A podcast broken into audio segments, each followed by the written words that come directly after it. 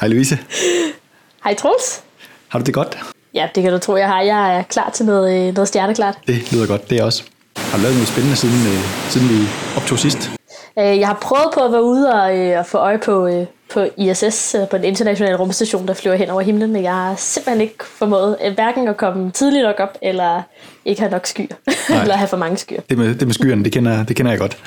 Det er altså ikke... Ja, ja, ja. Det er aldrig så godt, når man skal kigge, kigge op af. Nej, lige præcis. Nej. Står, står det ellers til i Danmark? Det går godt, synes jeg. Øh, vejret kunne godt være bedre til at Ja, ja, og det kigge på, det- på alt muligt. Det må vi vi- snart komme. Ja, skal vi, skal vi kaste os over nogle nyheder? Jo, vi har jo vi har super mange nyheder den her Ja, det er bare med at komme i gang med dem. uge, så, øh, så jeg, jeg vil tage den første med, som sådan lidt var den, der var øh, overskriften i mange øh, sådan, så det lidt mere brede medier med, at vi har øh, mistet Stephen Hawking den, øh, den 14. marts, marts her i 2018, og i en alder af 76 år. Ja. Øh, og det, øh, han har jo lidt af ALS, ALS siden øh, en alder af 21. Det var så tilbage i 1963, han fik det konstateret, og, og har så levet mange år, øh, øh, sådan på trods af, hvad lægernes øh, udsigt var dengang. Så, så på den måde kan man sige, at han, har, han havde en flot alder. Ja, øh, Det er godt og holdt. så synes jeg, det er sådan lidt sjovt, at han faktisk, hans øh, seneste sådan, offentlige interview var tilbage i oktober 2017, så ikke så lang tid siden da, mm. hvor han så snakkede om detektionen af, af hvad det, gravitationsbølger eller tyngdebølger, øh, som er sådan noget, der ligger meget tæt på den forskning, han selv har lavet. Så kan man sige, så jeg er jeg er glad for, at han var med til at, at opleve det. Så, men det, øh, det var sådan, sådan, sådan en nyhed, de fleste har, har hørt om, i hvert fald. Ja. Øh, så jeg synes, vi skal hoppe øh, direkte videre til sådan noget lidt mere, sådan kigge lidt mere fremad. Ja. Og det er, at øh, Danmarks største rummission, som hedder ASIM, skal øh, opsendes den 2. april, så det vil jeg opfordre alle til at sådan sidde og, og følge med i, i, øh, i medierne, hvad der, hvad der sker om det. Mm. Øhm, så ASIM er et, øh, en mission, der skal, øh, lad os sige, øh, øh, følge op på øh, det arbejde, som Andreas Mogensen lavede på ISS, hvor der var han øh, øh, fotograferet billeder, eller tog billeder af de her øh, lyn, som er i den øvre atmosfære af jorden, eller de her sprites. Mm. Øh, og der har øh, DTU så øh, fået lavet en hel, hel mission, der bare kun skal lave det, så de sætter nogle instrumenter op, som så skal automatisk øh, skal tage billeder af de her øh, lyn. Ja. Øh, og opsendelsen så bliver som sagt den øh, 2. april, og det skal opsendes fra Cape Canaveral i øh, Florida. Så det bliver spændende at følge med. Yes. Øh, og, og se om de bliver øh, lockoutet ude på DTU, eller om de kan få lov at og, ja, og, og rent faktisk arbejde med det data, der bliver sendt ud. Ja, og Asim kommer også til at sidde på, øh, på ISS, øh, så det er jo Andreas Mogensen, der skal, der skal guide, øh, og den skal, skal monteres, så vidt jeg har forstået. oh, det er spændende, det vidste ja. jeg ikke. Det bliver godt. Ja, det bliver rigtig spændende, og ja, vi, vi håber, det bliver der den 2. april, og det, jeg har læst, at det kan vist godt blive udsat lidt, hvis nu at vejret ikke lige er, er med os, og så tager turen derop en tre dage, øh, Ja, ja, ja. før, før den er fremme. Lige præcis. Og så skal der, den jo der er noget faktisk, øh, ja, og så skal den faktisk flyves op af en Falcon-raket. Der bliver meget mere SpaceX at snakke om her i, øh, i fremtiden. Ja, vi kommer ikke udenom det. Jeg har taget en nyhed med om øh, vores øh, interstellare rumcigar, som du kalder den. Øh, den her Oumuamua. Ja, jeg, ja, jeg er ikke helt sikker på udtalen. Ja, der sidder sådan... Øh, Ja, jeg har, jeg har prøvet på at øve mig lidt siden sidst, og det er Omawa.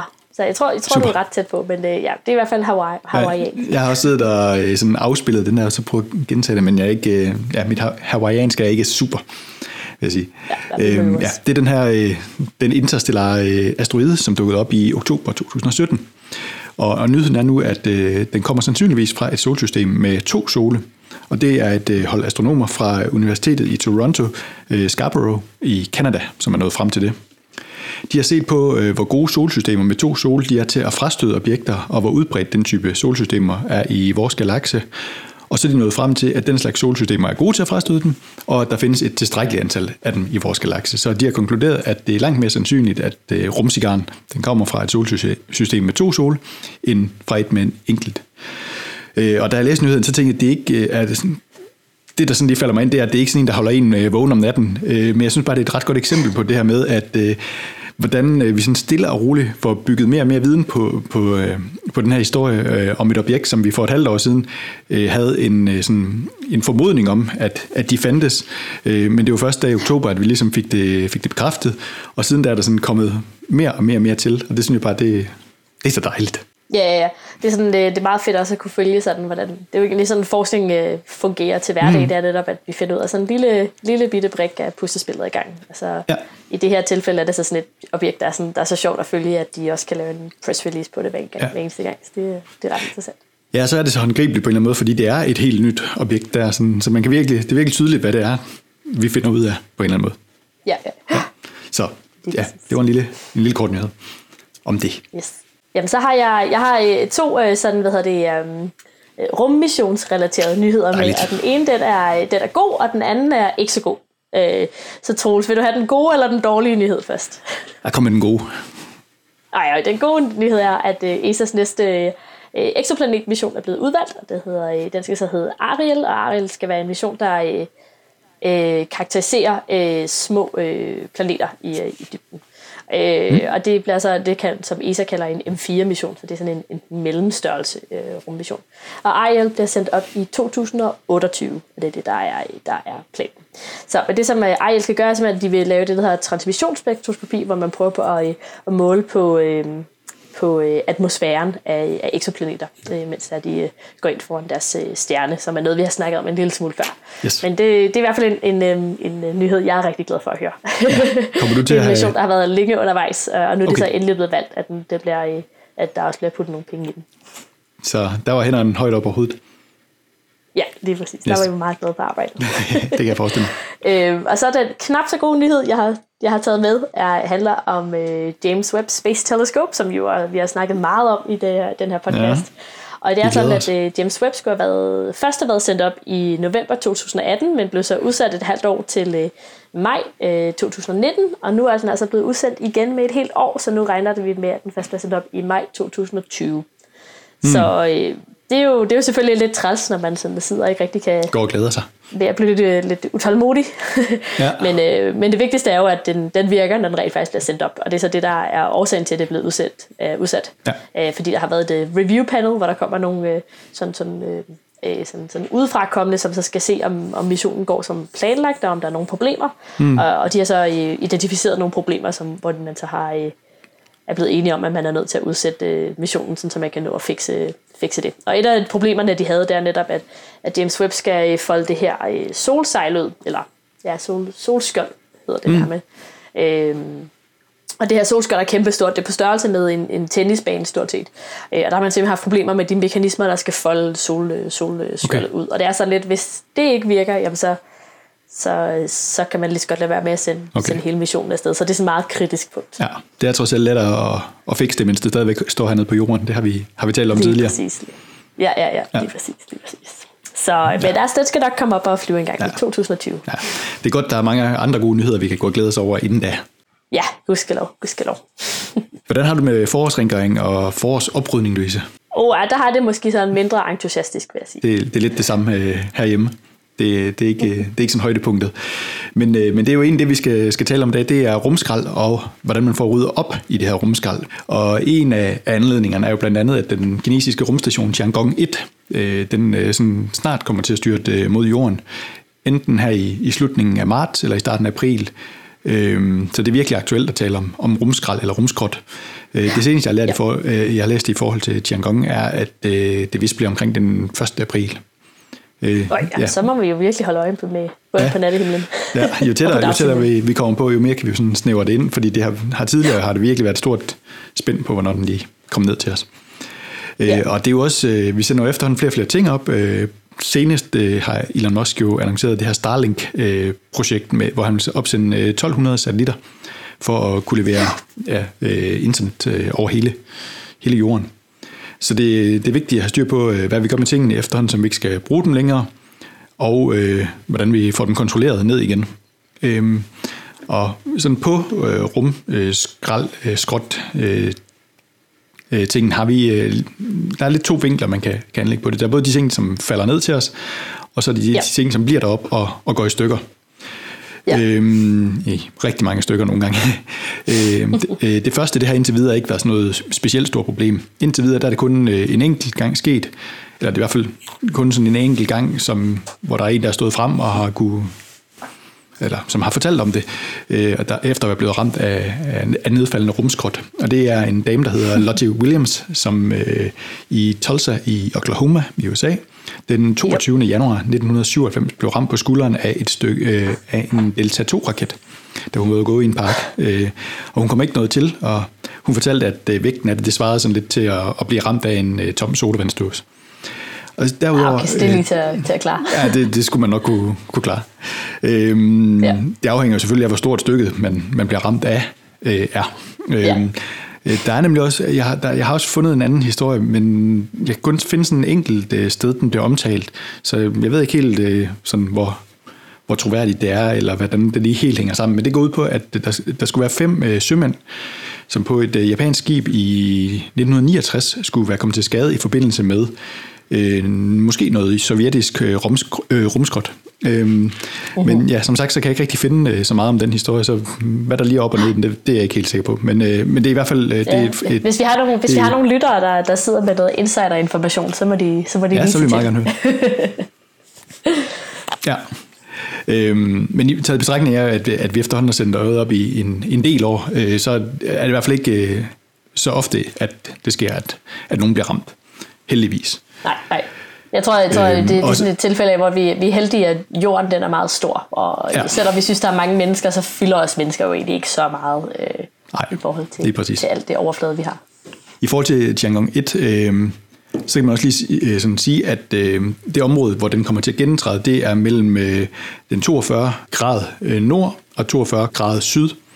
Øh, og Danmark ligger på sådan 54-55 grader til knap 58 grader. Så altså, det er virkelig, virkelig usandsynligt, at øh, man noget sted i Danmark skulle, skulle blive ramt. Øh, fordi den simpelthen ikke kommer hen over os, øh, så der er, ikke, der er ikke noget at være nervøs for. Og i, ja. ifølge ESA, så er sandsynligheden for at blive ramt af et stykke af Tiangong 1 også øh, den 10 millioner gange mindre end den årlige chance for at blive ramt af et lyn. Øh, så øh, ja, altså, selvom man så var inde i, i, i zonen der, hvor, hvor den kan, kan falde ned, så, øh, selv der er det virkelig, virkelig usandsynligt. Ja, ja, ja. ja. ja så, så selvom at, øh, at vi efterhånden har sendt ting op længe, så, så er det altså ikke noget, man sådan skal gå og være, være sådan specielt nervøs for nu. Øh, Nej. Øh, en anden trussel, øh, eller en, hvor, hvor truslen måske er, er større, øh, det er altså de ting, som bliver derop og som ikke er i brug længere, øh, og som, ja, som der bliver flere og flere af. Øh, ja, de nyeste tal, jeg lige kunne finde fra ISA, de er fra januar 2017, og de siger, øh, at vi har haft cirka øh, 5.250 raketopsendelser siden øh, 1957. Der er ca. 7.500 satellitter i kredsløb. Cirka 4.300 af dem er stadig i rummet, og det er cirka de 1.200 af dem, der stadigvæk virker. Resten af dem er jo så sådan nogle ja, objekter, som bare flyver rundt. US Space Surveillance Network de holder løbende øje med, med cirka 23.000 stykker rumskrot, som, som flyver rundt i, i rummet. Og, og så er der lavet nogle statistiske modeller, som sådan har prøvet at regne på, øh, hvor meget øh, rumskrot øh, svæver der rundt, og det deler man op i, sådan nogle, i nogle forskellige størrelser. Øh, cirka 29.000 objekter er større end 10 cm. Så er der cirka øh, 750.000, der er mellem 1 cm og 10 cm. Og så er der hele øh, 166 millioner objekter mellem 1 mm og 1 cm. Og det rumskrot her, det kan jo være alt fra gamle satellitter til øh, udstyr, som øh, astronauterne mister øh, på rumvandringer. Og så kan det være sådan bitte små øh, flager af afskaldet maling. Og selv de her helt små objekter mellem 1 mm og 1 cm, det kan være virkelig farlige for astronauter som på rumvandring. Øh, men også for, øh, for udstyr som øh, for eksempel den internationale rumstation. Og i 2016, der var der et vindue på ISS, som blev ramt af bare sådan et lille bitte stykke øh, maling eller et stykke metal. Og det var nok til at lave en ravn, som var øh, 7 mm på tværs. Øh, og de billeder, hvis man ser dem, det, det er altså ret, øh, ret voldsomt, at øh, sådan en lille bitte stykke kan gøre det. Øh, og, ja, ja, ja. Og, og tilsvarende, hvis en, øh, ja, hvis en astronaut så bliver, bliver ramt, øh, så var det jo nærmest til et, øh, et pistolskud eller sådan noget i den stil. Øh, så ja, det kan ja, virkelig lave, lave skader på, øh, på, på rumdragten, og det er jo bestemt ikke ufarligt worst case scenario for rumskrot, det er det, det der har navnet øh, Kessler-syndrom, og det har fået navn efter Donald J. Kessler i 1978. Øhm, og det er, at øh, mængden øh, af objekter i kredsløb er så stor, at øh, det til sidst bliver øh, uundgåeligt at, at, hvad det, at opleve sammenstød. Og hvis to store objekter så støder sammen og går i stykker, så kan det sådan sætte gang i sådan en kædereaktion eller sådan en dominoeffekt, hvor man ender med at få mere og mere rumskrot øh, fordi at flere og flere ting stod sammen og går i stykker, at det sidste øh, vil gøre det umuligt at, øh, at have rumaktiviteter i, i mange år fremover.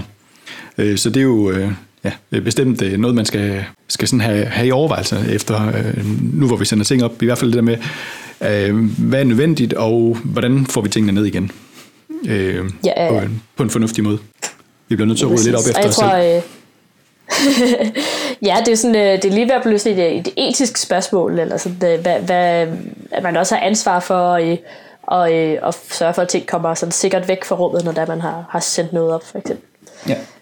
Øh, så, så jeg tror også noget af det, man også skal huske, der er, når man sætter ting ud i rummet, er, at man sætter dem gerne i nogle bestemte kredsløb, som, som enten er praktiske på grund af, af den omløbshastighed, man har, eller i omløbstid, det tager, eller fordi de er stabile.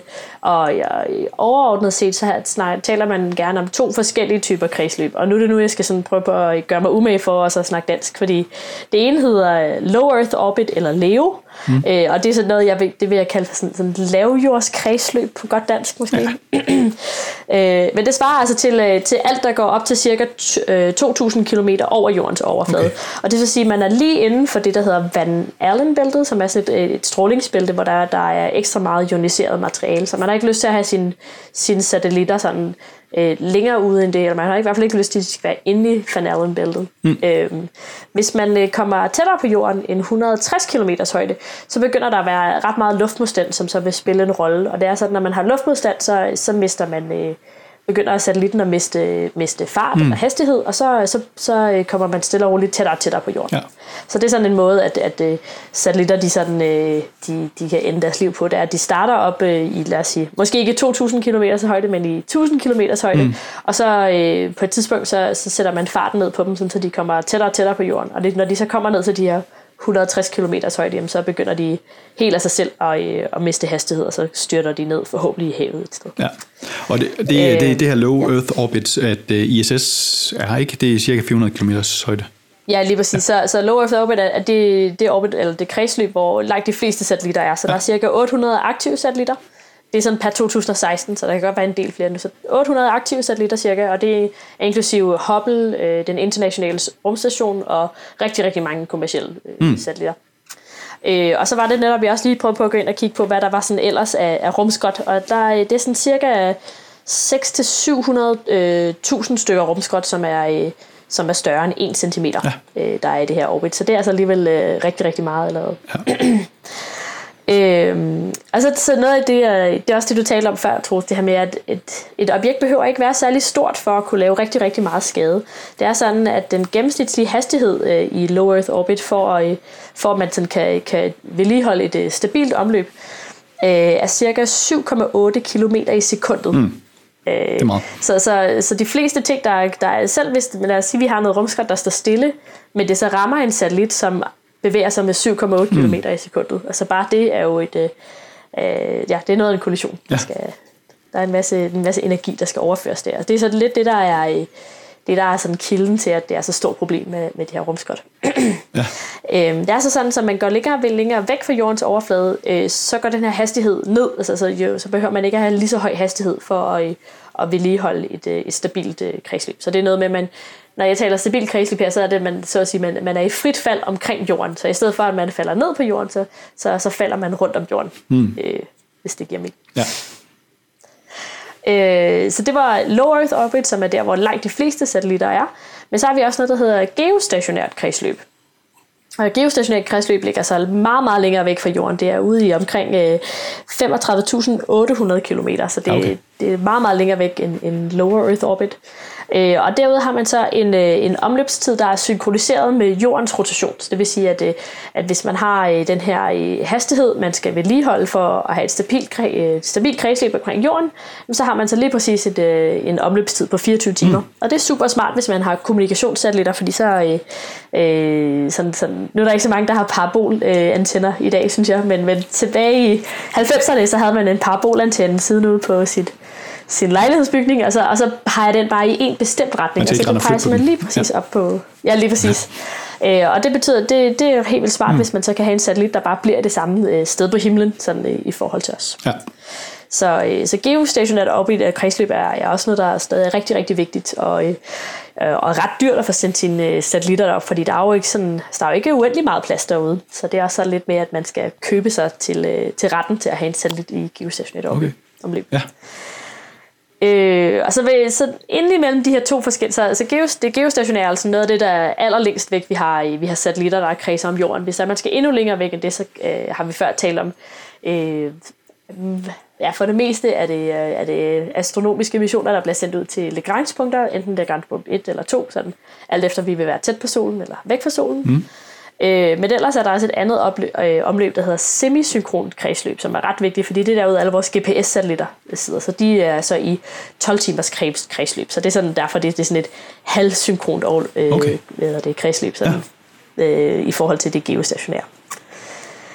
Øh, så, så, så de her, øh, lad os sige, det geostationære og det low Earth orbit er sådan ret vigtigt at tænke på, fordi det er så, at altså low Earth orbit er kun de der 2.000 km over, jord, over havets øh, overflade. Så det er jo ikke øh, sådan super meget plads, man har, øh, har, har med at gøre derude. Øh, og det Nej. er så det et af de steder, hvor det kan være rigtig farligt at have meget øh, rumskrald.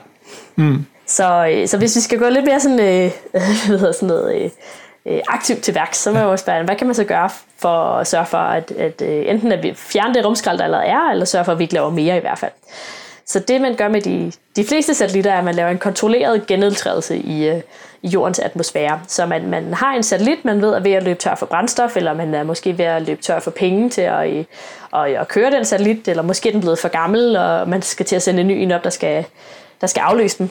Ja, det man så gør, det er, at man øh, tømmer satellitten mere eller mindre for brændstof, så godt man kan, og så sender man den i et kontrolleret kredsløb omkring jorden, hvor man så ved, at den vil falde ned i, øh, i stillehavet på et eller andet tidspunkt. Og det har man ingeniører, der er super gode til at regne på, så det er noget, der, der for det meste går helt som, som det skal. Ja. Øh, de fleste satellitter, vi har i omkreds om jorden, er faktisk så små, at, øh, at de kommer til at brænde op i jordens atmosfære. Øh, så der er ikke særlig meget af det, der vil ende ned på jorden. Men, altså, men så snart man har en satellit, der er på lidt mere end et ton, så kan det godt på grund af at blive et problem, det her med, at øh, man jo helst ikke vil være en ret dårlig PR øh, og, og lande i hovedet på en eller anden ja. øh, øh, øh, nogle folk, der sidder og spiser piknik ude i deres have. Ja. Øh, så, så det er noget, man, man er ret god til at regne på, at man det her med, at man gerne vil sætte dem, sende dem ned i havet for det meste. Så det bliver gerne over hen over Stillehavet, hvor man har en masse oceaner at gøre godt. Ja, god plads.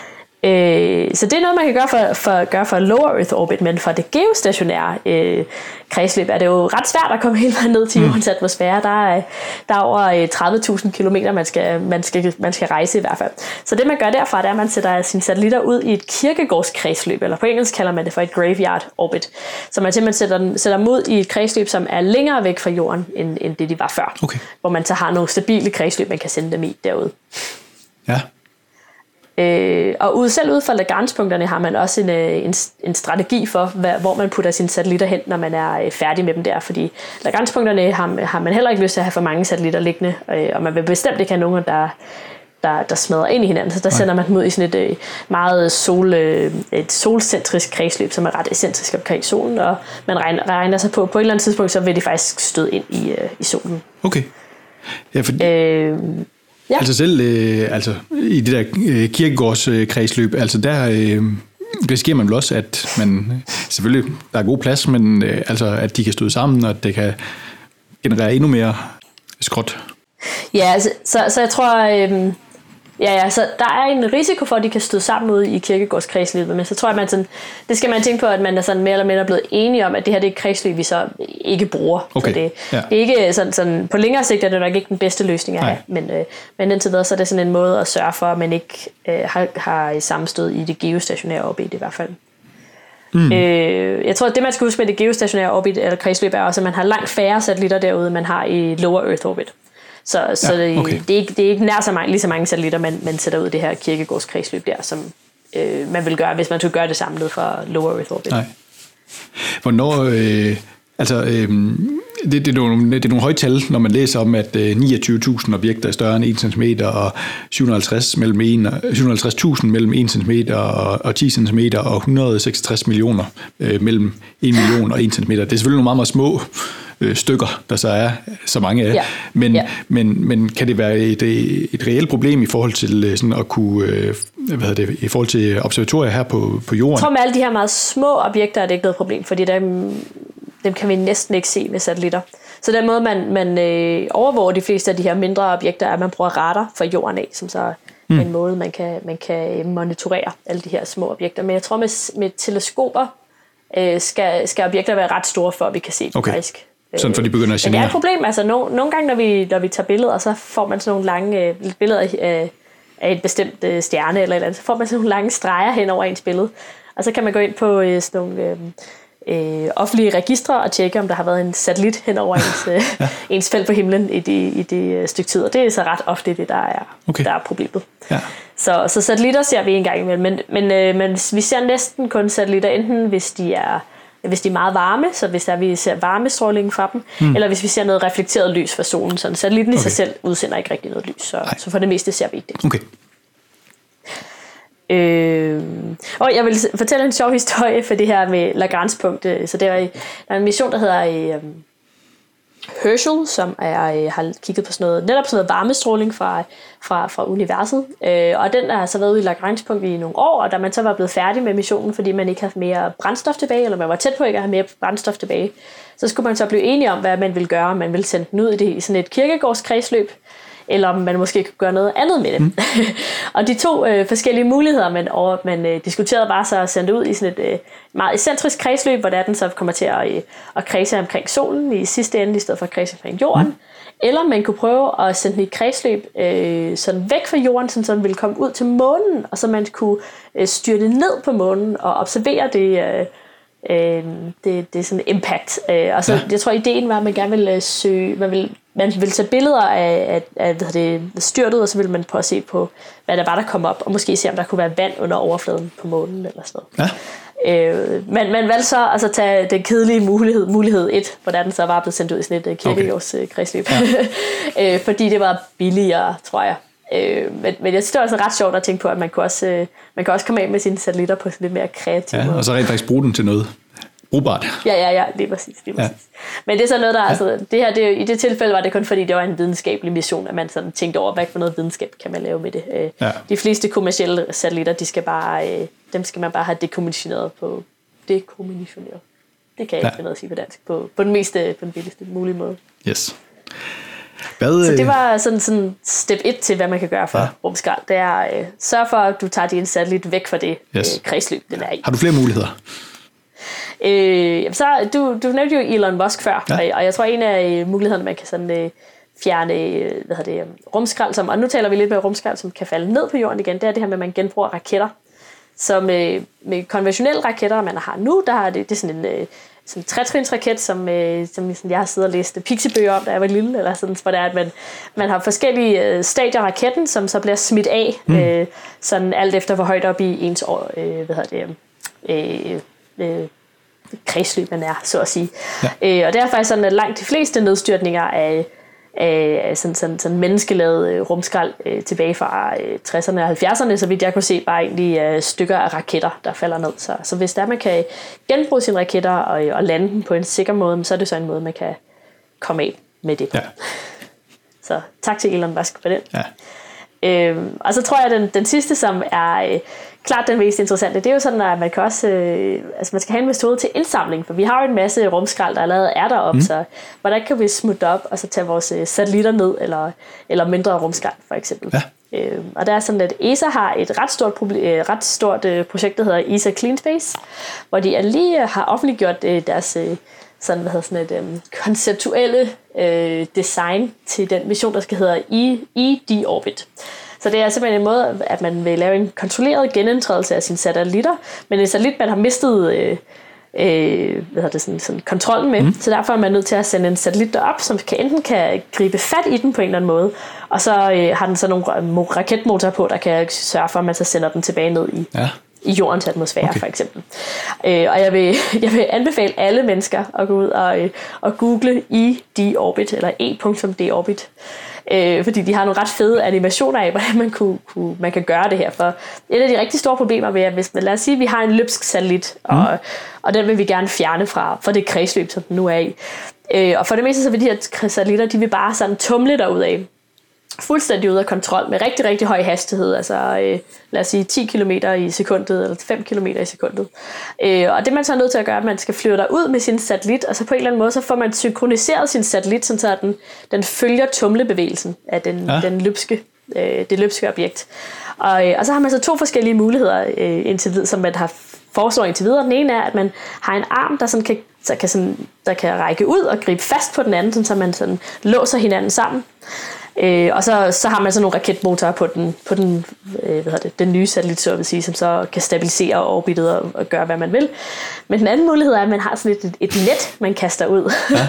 og det sparer med det her net, der er netop, at man ikke behøver at synkronisere til et tumle bevægelsen. Man skal bare kunne følge, følge kredsløbet. Ja. Og så kaster man det her net ud, som sådan på en eller anden måde sådan skal kunne overtage.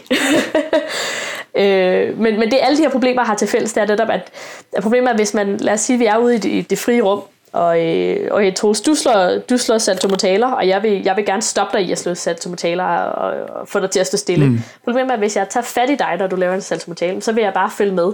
Fordi ja. alt dit angulære, angulære moment bliver, bliver overført til mig.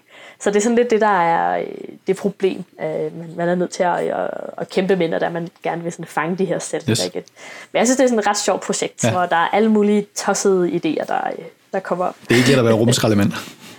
Nej, det er det i hvert fald ikke. Og jeg tror, det er noget, der kommer til at være rigtig mange penge i i fremtiden. Fordi at øh, ja. alle, alle virksomheder, alle, alle folk er meget interesserede i, at man ikke har alt det her rumskrald. Så, øh, så det er noget, vi kommer til at høre rigtig, rigtig meget om i, i fremtiden, ja. tror jeg. Ja. Øh, og så skal jeg skal skynde mig at sige nu, at det er sådan, alle moderne der satellitter, der bliver sendt op i dag, de skal have at det, man kalder for en recovery-strategi. Så de skal have en eller anden, det skal være med i designet, hvordan man får dem tilbage ned på jorden, så at sige, eller hvordan man får parkeret dem i kirkegårds kredsløb.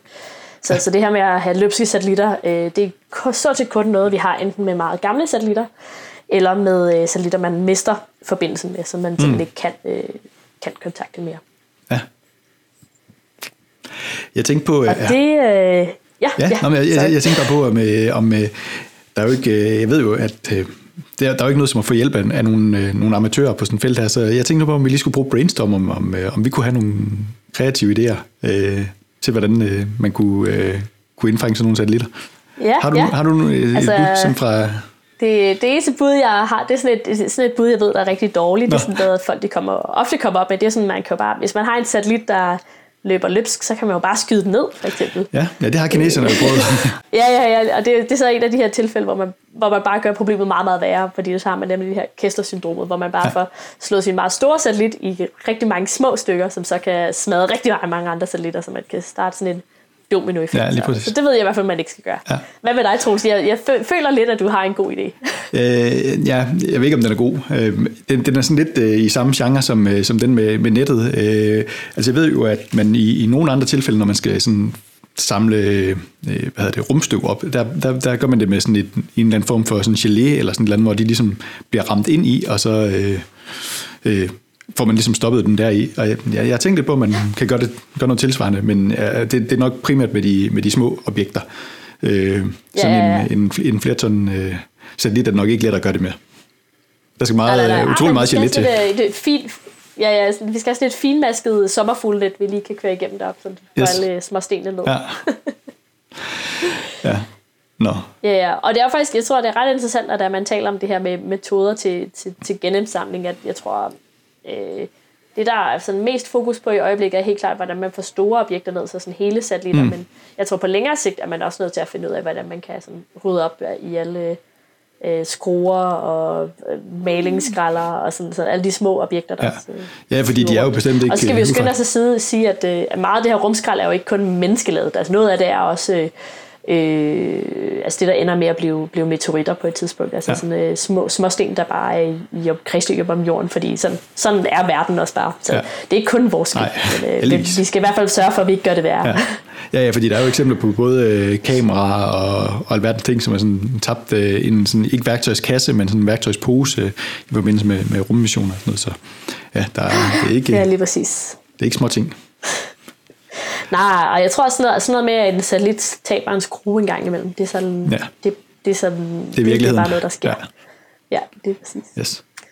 Øh, så jeg tror, jeg har taget sådan et, et eksempel med, som nok er sådan, øh, øh, det værste eksempel på rumskrot, ja. vi har øh, øh, ude i, i, i, i rummet lige nu. Og det er en satellit, der hedder Envisat, som står for Environment Satellite. Environment Satellite. Øhm, Envisat blev sat, sendt op i, af ESA i, tilbage i øh, 2002 i, øh, i et lower Earth øh, orbit, i det der hedder et solsynkront øh, kredsløb. Mm. Så, så den, den var ret tæt på, på jorden, da den, den blev sendt op. Øhm, og den virkede i, øh, den, den havde 10 år, hvor den virkede fuldstændig som den skulle, hvilket var fem år længere, end man havde regnet med sig. Så på den måde har Envisat sat klaret det rigtig, rigtig godt. Øh, og så det, der så skete, det er, at man, man har simpelthen mistet kontakt til Envisat øh, i april 2012. Øh, og når jeg siger mistet kontakt til, så betyder det altså, at man, man kan slet ikke få, øh, man kan slet ikke styre den overhovedet. Nej. Øh, jeg skal skynde mig at sige, at Envisat er sidenhen blevet erstattet af Sentinel-satellitterne, og det er nogle ret vigtige satellitter, der som så billeder af jordens overflade og kan sige en masse om, hvordan klima øh, sådan, sådan ændrer sig, men også noget med, øh, kan identificere, hvorhen man på, på jorden man har tørke, de følger... Øh, følger øh, sådan, sådan, hvad hedder det, der, hvordan de store ismasser på jorden bevæger sig. Sådan, mm. Så det er jo ret vigtige satellitter. Øh, så nu vil jeg helst ikke gøre Invisat til sådan en stor skurk. Nej. øh, men, men det er den lidt, fordi at det her det er altså en kæmpe stor øh, satellit. Da den blev sendt op, der vejede den omkring 8 ton. Nå, det har jeg ikke lige forskrevet. Men der ved opsendelsen øh, var den omkring 8 ton. Den vejer så en del mindre nu, fordi den ikke har så meget brændstof tilbage. Men det er altså det er virkelig et monster. Mm. Øh, hvis man nogensinde tager forbi øh, Estec, som er øh, ESA's øh, øh, hvad hedder det, øh, øh, kontor her i, øh, i Holland. Der har de sådan en en-til-en øh, model af den stående uden for deres, øh, deres videnskabsmuseum. Øh, og den er sådan, det, det, jeg tror, jeg vil beskrive det som være sådan på størrelse med sådan en øh, sådan, sådan to, to varevogne, okay. sådan sat ja. oven på hinanden. Så det, det er en ret stor salit. Mm. Øhm, og på grund af, at, øh, at øh, Envisat har ret høj masse, men en relativt lille areal, så det, den har solpaneler, men det er ikke sådan nogle kæmpe store nogen, så, så er der ikke særlig meget luftmodstand, så at sige. Så derfor vil det tage utrolig lang tid, før satellitten den vil nå for sit, uh, sit nuværende kredsløb, og så sådan komme ned og, og, og nå jordens atmosfære, og så brænde op i atmosfæren for eksempel. Det vil tage mere end 150 år, før det vil ske. Okay. Øh, og man er super, super bange for, at der kommer en af de her, lad os bare sige sådan en lille et lille objekt på 10 kilo eller, eller, eller noget i den retning, som smadrer ind i Envisat, fordi så er, vi, så er det altså slut med, med low Earth orbit. Så vil man bare have rumskrald over det hele. Ja. Øh, det er sådan, at man har, man har øh, sådan regner med, eller har regnet ud, at der vil sikkert være to øh, objekter om året, som, øh, som, som øh, kommer tættere på, på Envisat end, de her, end 200 meter. Så det er 200 meter er jo ret, ret tæt på, ja. når, man er ude i, når man er ude i rummet. Så jeg ved, at det er noget, man engang imellem, når man hvis man har en kommersiel satellit, øh, så, så får man nogle gange at vide, om nu, nu om to dage, så kommer I til at være for tæt på Envisat, så derfor er I nødt til at lave en manøvre nu, sådan så I ændrer jeres kredsløb en lille smule, og, og ikke øh, ryger ind i Envisat, for eksempel. Øh, og Envisat er faktisk også øh, hele grunden til, at ESA har lavet den her, øh, øh, eller ikke grunden til, at de har lavet Clean Space-initiativet, men, men det er en af hovedmotivationerne ja. bag. Ja. Øh, og, og det er ideen af det her mission, der hedder ED Orbit, at det skal være et af det, det første satellitter, som de vil, de vil prøve at sende ned på den her øh, øh, sådan provokeret, ja. øh, kontrolleret genindtrædelse i jordens atmosfære. Så det bliver meget spændende. Det må man sige. Ja, vi krydser fingre for, at, øh, at, at vi når at få styr på den, inden øh, den rammer ind i et eller andet. Ja, ja, ja, lige præcis. Og jeg tror, at, øh, jeg, tror, jeg tror, vi er kommet til sådan et punkt i øh, den moderne verden, hvor det er så meget svært at forklare folk, hvad det betyder, øh, hvis man ikke kunne bruge lower Earth orbit, fordi det var fyldt med rumskrald, for eksempel. Ja. Fordi der er så mange øh, af de sådan, sådan dagligdags... Øh, øh, teknologier, vi er, vi er afhænger af, som afhænger af det. Så, ja, og, så det vil vi helst ikke have. Og, og, og risikoen ved det er jo ikke, ikke bare, at vi ikke kan sende nyt, nyt derop, men det er jo også, at den her dominoeffekt øh, potentielt kan ramme nogle af de ting, vi allerede har der. Øh, så ja, det kan virkelig, ja, ja, ja. Øh, virkelig slå mange ting i stykker. Lige præcis, lige præcis. Ja. Det vil kunne mærkes på, på børsen, hvis det var det, der det, hvis det skete. Ja, det må man sige øhm. Så, men øh, man kan i hvert fald øh, fryde sig ved, at, at nu er der i hvert fald en plan for, hvordan man får Envisat ned. Yep. Øh, så det bliver rigtig spændende at, at følge her de næste år. Ja. ja. Øh, her til sidst, øh, der vil jeg lige vende tilbage til, øh, til der, hvor vi startede, nemlig med Tiangong 1. Øh, fordi hvis nu, at øh, den skulle styrte ned i ens have, og hvis man bor i Danmark, så kommer det jo så som nævnt ikke til at ske, øh, fordi vi ikke er inde i, i zonen, hvor den potentielt kan styrte ned, men, øh, men hvis, øh, hvis øh, det så er et andet stykke rumskrot, som styrter ned, øh, hvem, øh, hvad skal man så egentlig gøre, og, og, og, og hvem har, har retten til det? Øh, ja. Øh, først og fremmest så er et af rådene, at man skal holde fingrene fra det, øh, fordi det kan være sådan, øh, hvad hedder det, der kan være alle mulige farlige øh, materialer involveret, for eksempel øh, noget giftigt brændstof og sådan nogle ting. Så derfor er det vigtigt ikke at komme i, kontakt med det, og, øh, og, og selve nedstyrtningen kan også resultere i nogle ret alvorlige skarpe kanter, som når de sådan bliver rykket fra hinanden på vej ned. Så ud fra et helbredssynspunkt, så er det bedst bare at holde fingrene langt væk, selvom man det måske, øh, det, jeg tror godt, det kunne være lidt svært, at, hvis man fik chancen. Ja, jeg for, tror, jeg ved ikke, om jeg ville kunne lade være med at røre. Nej. Øhm, og så en anden god grund til, at man skal lade være med at snuppe sådan en stum rumskrot med hjem og, og gemme i skuffen, øh, hvis nu man skulle være så heldig at finde en, det er, at øh, rumskrot det er underlagt ydre rumtraktaten fra 1967. Øh, og der, der står der, at uanset hvor et rumfartøj det lander, så tilhører det, det land, øh, det kom fra. I hvert fald indtil de giver afkald på det. Øh, og tanken bagved det, den er jo egentlig meget god, fordi det gør, at, øh, at det land, som har opsendt den, de er også ansvarlige for, at hvis nu nogen eller noget bliver ramt, øh, så, øh, øh, ja, så har de ligesom ansvar for det. Øh, og igen, det, ja, ja, ja. Det, er, det er meget lidt sandsynligt, men, øh, men, øh, men det er i hvert fald det, der sådan, ja, en af bevæggrundene for, at, at det er sådan, der. Øh, og der er faktisk øh, ja. eksempler på, øh, på nogen, som har fået øh, nogle ret øh, voldsomme øh, straffe for at have, have gemt øh, øh, rumskot øh, hjemme i skuffen, og så efterfølgende sat det salg på, på eBay. Uh. Så, ja, så øh, lad være med det. Det kan godt være noget, ja, ja. man kigge. Ja. Ja, jeg kan ja. også forestille mig, at sådan en, en, en af øh, årsagerne bag det er også, at øh, altså, der er jo rigtig mange militære satellitter i, øh, i kredsløb, og sådan, sådan satellitter, der er uidentificeret, mm. eller der er ikke nogen lande, der vil vedkendes. Jeg tænker, de er nok ret bange for, hvis der er, øh, at øh, sådan en amerikansk satellit styrter ned over Kina, så vil amerikanerne også gerne kunne kræve den tilbage. Højst sandsynligt, ja. Nå, ja. Så, Jamen, det er jo... Øh... Jamen, jeg, synes, jeg synes virkelig, at rumskrald, det skrald, øh, skrald er sådan et ret øh, fascinerende emne. Også fordi det sådan siger lidt om, at øh, øh, nu har vi det her rumeventyr, sådan, som, som det er ved at blive det moderne rumeventyr, men man er også lidt nødt til at stoppe op en gang imellem og lige sådan tænke lidt fremad og, og tænke sådan, sådan, sådan langsigtet og bæredygtigt i over, hvad, ja. hvad det er, man laver, og, og hvordan vi kan sørge for, at vi kan blive ved med at sende ting ud i rummet om 10, 20, 30 ja. år. Ja, og, og ja, jeg tænkte godt over, øh, om, altså det, man kan godt blive meget fascineret af det der, at man synes, det, det er sjovt bare at, at, at, at få sendt nogle ting op, men, øh, men ja, sådan med, med forbehold, altså det skal også gerne tjene et eller andet øh, formål, fordi vi, vi risikerer sådan at, at bruge, bruge pladsen på noget, som måske ikke er så nødvendigt, så det er i hvert fald, øh, det skal være de rigtige ting. Ja, ja, ja. Ja, jeg tror også, øhm, altså nu, nu det er jo noget af det, der sådan er lidt er meget moderne nu, er alle de her CubeSats, som er øh, små, ret mm. billige satellitter, øh, hvor man så sådan, øh, men sådan betaler for sådan en sekundær plads på en, på en raket, der skal sendes op. Sådan så, fordi for det meste er kosten er at få sendt, øh, sendt det op er langt mere end kost, sådan, sådan, hvad det koster at, at bygge sådan en lille satellit. Øh, men mange af de satellitter bliver sendt ud i sådan meget lavt low earth orbit, ja. og har så kun en levetid på, på under et år for eksempel, inden de så bare brænder op i jordens atmosfære helt af sig ja. selv. Øh, og de fleste af den type satellitter har ikke øh, aktive motor, motorer på, så man kan ikke styre dem. Øh, så de er nødt til at være et sted, hvor man ved, at de ikke kommer til at tunge et eller andet. Ja. Ja, ja, ja, lige præcis. Ja, ja, ja det, er et rigtig, det er et rigtig spændende emne, og det er også lidt øh, det er skræmmende. Det vækker i hvert fald til eftertanke, at, øh, at vi, vi står for et, et problem der, som vi skal finde en eller anden god løsning på. Ja, lige præcis. Lige præcis. Ja. Jamen, der er penge i det, Troels. Jeg tror, du, du må lige øh, ringe til ESA og sige, at du har en god idé med dit øh, sommerfuglnet der. yes. Nå, men øh, sådan i lidt i, i samme boldgade, der øh, har vi jo, øh, hvis vi går videre til noget kig op, så har vi, har vi en nyhed med, eller hvad man skal sige, om uh, Humanity Star. Den har vi før talt om. Uh, det, det var, nu, det var det New Zealandsk firma, som opsendte uh, sådan en stor uh, disco-kugle, eller sådan noget i den stil. Ja, ja, sådan en stor disco-kugle. Øh, og det var, det var ret sjovt, at vi forberedte os til det her, Troels, til vi snakkede om Humanity Star, og om, om det kunne sådan kvalificere sig at være rumskrald eller ej.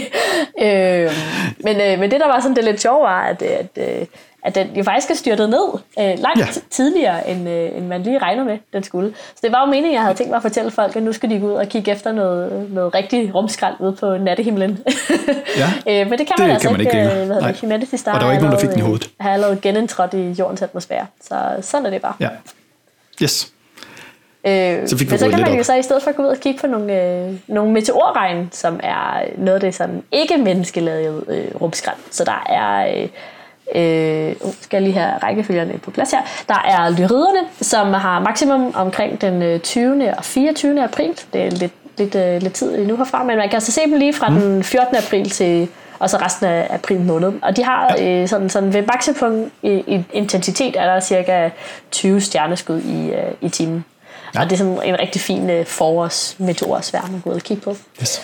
Øh, og hvis man sådan kigger lidt længere hen i øh, april og maj måned, så kommer der også øh, ETA-akvariderne, som har maksimum omkring den 3. og 9. maj, øh, og som så har lidt flere stjerneskud i timen, som omkring 30 stjerneskud i timen.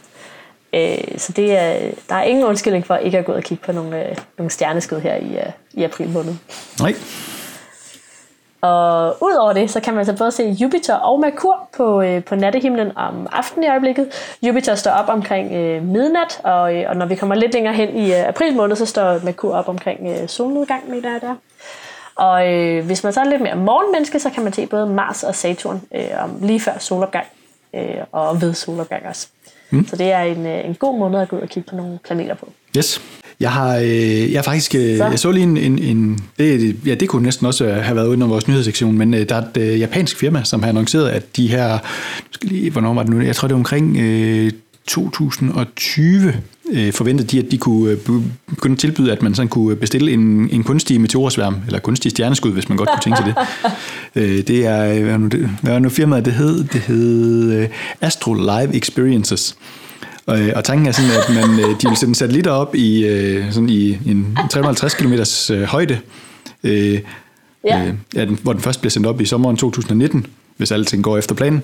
Og, og så er tanken simpelthen, at, mm-hmm. at man skal kunne bestille et, et kunstigt stjerneskud, hvis man, man godt kunne tænke sig det, og så bliver der ligesom smidt øh, en eller anden sådan metalpellet øh, ud, øh, som så øh, efterhånden, som den sådan kommer ned igennem jordens atmosfære, vil, vil øh, ja, lave noget, der ligner stjerneskud. Om det virker, det, det ved jeg ikke. Hvad, hvad siger du til sådan en idé, Louise? Det lyder som det, det ultimative scoretrik, det der. det, ja, men øh, er, er det en god idé, eller er det, er det også rumskort? Ja, det, det lyder måske lidt som, at hvis man kan gøre det på en, på en smart og bæredygtig måde, så tror jeg ikke, jeg kan... Altså, så længe det er kontrolleret okay. og sikkert.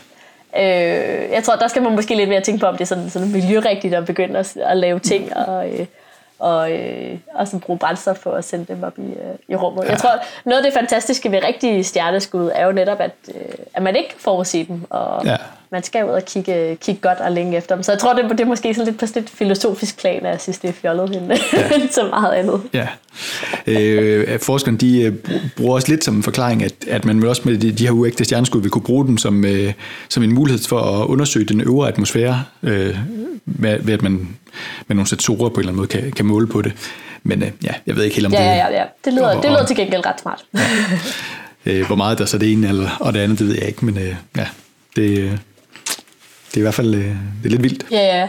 Altså jeg ved med sådan større øh, satellitter, som er sådan genindtrådt i jordens atmosfære, hvor man ved præcis, hvornår det sker. Der ved jeg, der er teleskoper rundt omkring i verden, som prøver på at observere øh, okay. at øh, genindtrædelsen netop sådan for at sige noget om jordens atmosfære og så noget med, hvad, ja, hvad atmosfæren er lavet af deroppe, og hvad, hvad temperaturen er, og, og så sådan sige noget generelt om sådan, hvordan øh, sådan kinematiske kræfter virker, når mm. der er ting, der rører ned igennem atmosfæren. Okay. Øh, så, øh, fordi jeg sådan, tror, det man normalt gør, det er, at man kan tage billeder af, af stjerneskud, og så øh, antager man noget om jordens atmosfære, og så kan man så sige noget om, hvad, stjern, hvad stenen, altså hvad, hvad meteoriden var lavet af, da den, da den ramte atmosfæren.